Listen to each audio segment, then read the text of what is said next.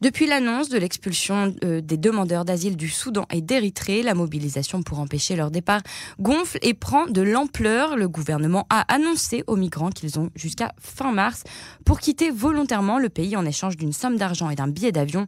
Après cela, ils seront emprisonnés à la prison de Saharonim s'ils n'ont pas quitté le pays. Nous sommes en ligne avec Anat Gutmann, responsable du de la hotline pour les réfugiés. Bonsoir Madame Gutmann. Bonsoir. Alors, Madame Gutmann, dites-nous qui est concerné par la loi? Est-ce que les enfants qui étudient dans les écoles israéliennes parlent hébreu et ont commencé à s'intégrer sont concernés?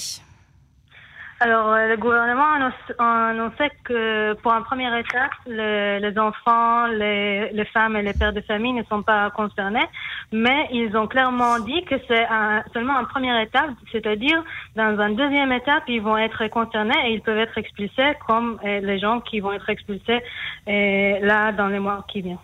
Donc pour le moment, seulement les hommes célibataires qui sont arrivés seuls. Pour, pour, pour un première étape seulement. Donc cela concerne combien de personnes? L'expulsion Oui. Alors, on, ne sait pas puisque les accords avec euh, le Rwanda et l'Ouganda ne sont pas n'étaient pas euh, rendus publics et donc on ne sait pas euh, combien, de personnes, sont acceptées par ces deux pays-là. Alors justement, le, Rwanda et l'Ouganda euh, nient jusqu'à maintenant euh, tout accord avec Israël. Donc dans les faits, où sont-ils censés aller?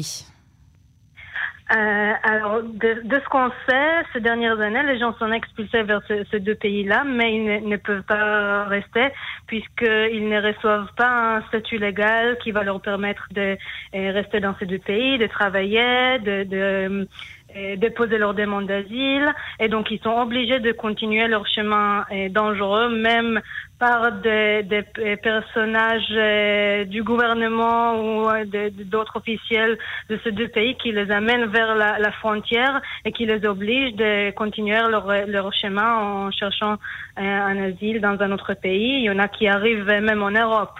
C'est d'ailleurs ce qui s'est passé non, pour certains réfugiés. euh, migrants qui, qui, sont déjà repartis euh, vers l'Afrique. Ils ont été, euh, pour certains, renvoyés dans leur pays, en Érythrée au Soudan il y en a qui étaient renvoyés dans leur pays, il y en a qui étaient renvoyés après être expulsés d'Israël, soit sur le, chemin à l'aéroport.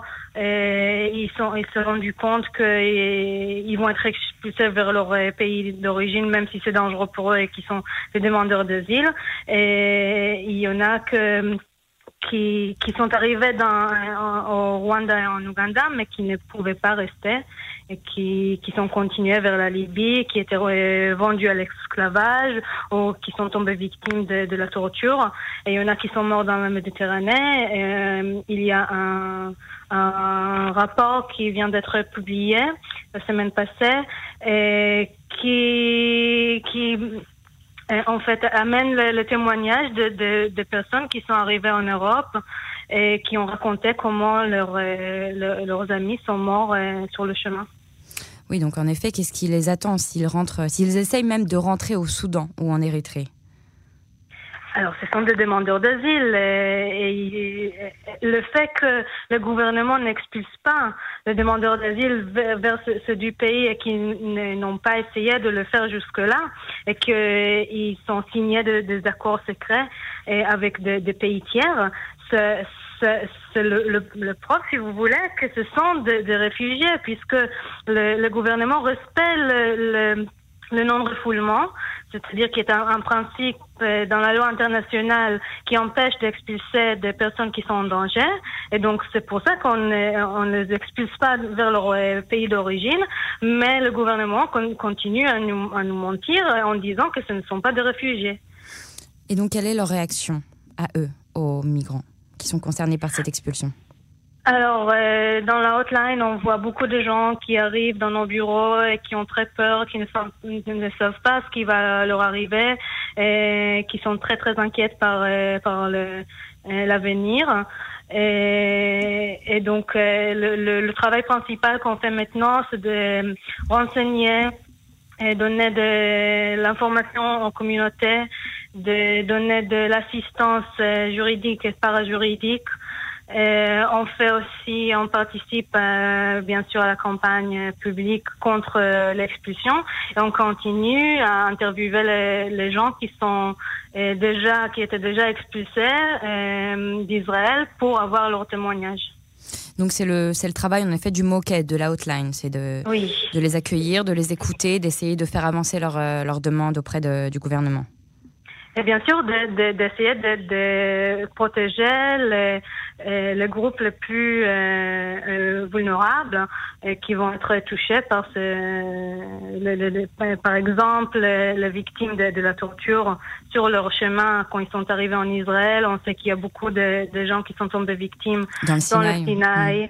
le et dans les camps de, dans le Sinaï. Et, mais il y a d'autres personnes, des des- des malades, des gens qui ne peuvent pas avoir un traitement euh, qu'il leur faut dans ces deux pays et qui ne peuvent pas être euh, expulsés. Et bien sûr, on va continuer à protéger tous ces gens-là. Alors la mobilisation aujourd'hui est très importante hein, depuis l'annonce euh, officielle de l'expulsion il y a à peu près 2-3 semaines. Euh, les pilotes, les chercheurs, les écrivains, des politiciens, des rescapés de la Shoah se mobilisent ainsi que des, milliers d'étudiants, de personnes à travers différentes associations, mouvements, pétitions euh, dans, sur tout le web. Pouvez-vous nous parler du coup du, mouvement contre l'expulsion? C'est un mouvement bien sûr très très important puisqu'on voit que euh, la, la public israélienne ne, ne peut pas accepter l'expulsion des réfugiés puisqu'on on, on a encore dans nos têtes le- la mémoire de, de nos histoires personnelles et notre histoire collective comme peuple juif. Et on peut pas permettre de, de renvoyer des réfugiés qui sont ven- venus nous demander de l'aide et de, de l'asile, on ne peut pas leur envoyer vers, vers un chemin très très dangereux qui peuvent euh, même leur coûter la vie. Est-ce que vous pensez que justement tout ce mouvement a une chance de se faire entendre auprès du gouvernement de... Est-ce qu'il y a un espoir que, le gouvernement change de sa décision? Euh, alors c'est un mouvement bien sûr très très important et on espère que le, gouvernement va, va entendre toutes ces voix qui résistent à cette euh, politique criminelle. Et on voit aussi un, un- mouvement euh, dans des communautés juives ailleurs, c'est-à-dire aux États-Unis, en France et dans d'autres pays, qui disent euh, non, ça, ça, ne peut pas être euh, fait en Israël par, par les Juifs. Et, donc, il faut l'arrêter, il faut s'indigner, il faut se lever, il faut dire non. Et, bien sûr, on appelle à, toute personne qui veut prendre euh, partie à cette campagne-là et pour euh, arrêter l'expulsion, de, venir nous joindre. Et simplement une dernière question. Euh, L'étape d'après, que- quelle est-elle? C'est-à-dire si, si- s'ils peuvent rester ou ceux qui peuvent rester, comment, comment vont- vont-ils faire pour rester dans le pays sans visa, sans statut de réfugié? Quelle est l'étape d'après? Alors, la, la solution est très simple. Il faut d'abord euh, vérifier leur demande d'asile, ce que le gouvernement refuse de faire depuis des années. Et il ne laisse même pas déposer leur demande d'asile. Il faut savoir, il faut décider qui sont euh, les réfugiés et qui ne le sont pas. Et, et bien sûr, le, le- la politique du gouver- gouvernement était d'amener tout le monde dans le sud de Tel Aviv. Et- mais ça, c'est la politique du gouvernement, c'était une décision. Il faut, il faut, bien sûr le changer, il faut donner le droit euh, à toutes ces personnes-là pour pouvoir travailler, pour pouvoir avoir les, droits sociaux. Et, et comme ça, les gens pourront aller dans d'autres euh, dans d'autres villes. Ils vont pas être euh, seulement dans les quartiers les plus pré- précaires. Oui, parce que c'est un quartier en effet qui, pose problème avec certains habitants, qui manifestent aussi euh, euh, contre les réfugiés, n'est-ce pas? Alors il faut il faut investir dans ce, quartier-là, mais c'est quelque chose que le gouvernement refuse de faire depuis des années, même s'il y avait des projets de loi qui, ont proposé d'investir euh, dans le, le- les quartiers, dans le, et, et bien sûr il faut il faut un plan qui est plus général pour euh, pouvoir euh, donner le droit aux gens et, et comme ça ils pourront aller ailleurs. Très bien, merci beaucoup. Anat Gutmann, qui est responsable au Moquet de la hotline pour les réfugiés à Tel Aviv. Je vous remercie d'avoir été avec nous ce soir. Merci beaucoup, bonne soirée. Au revoir.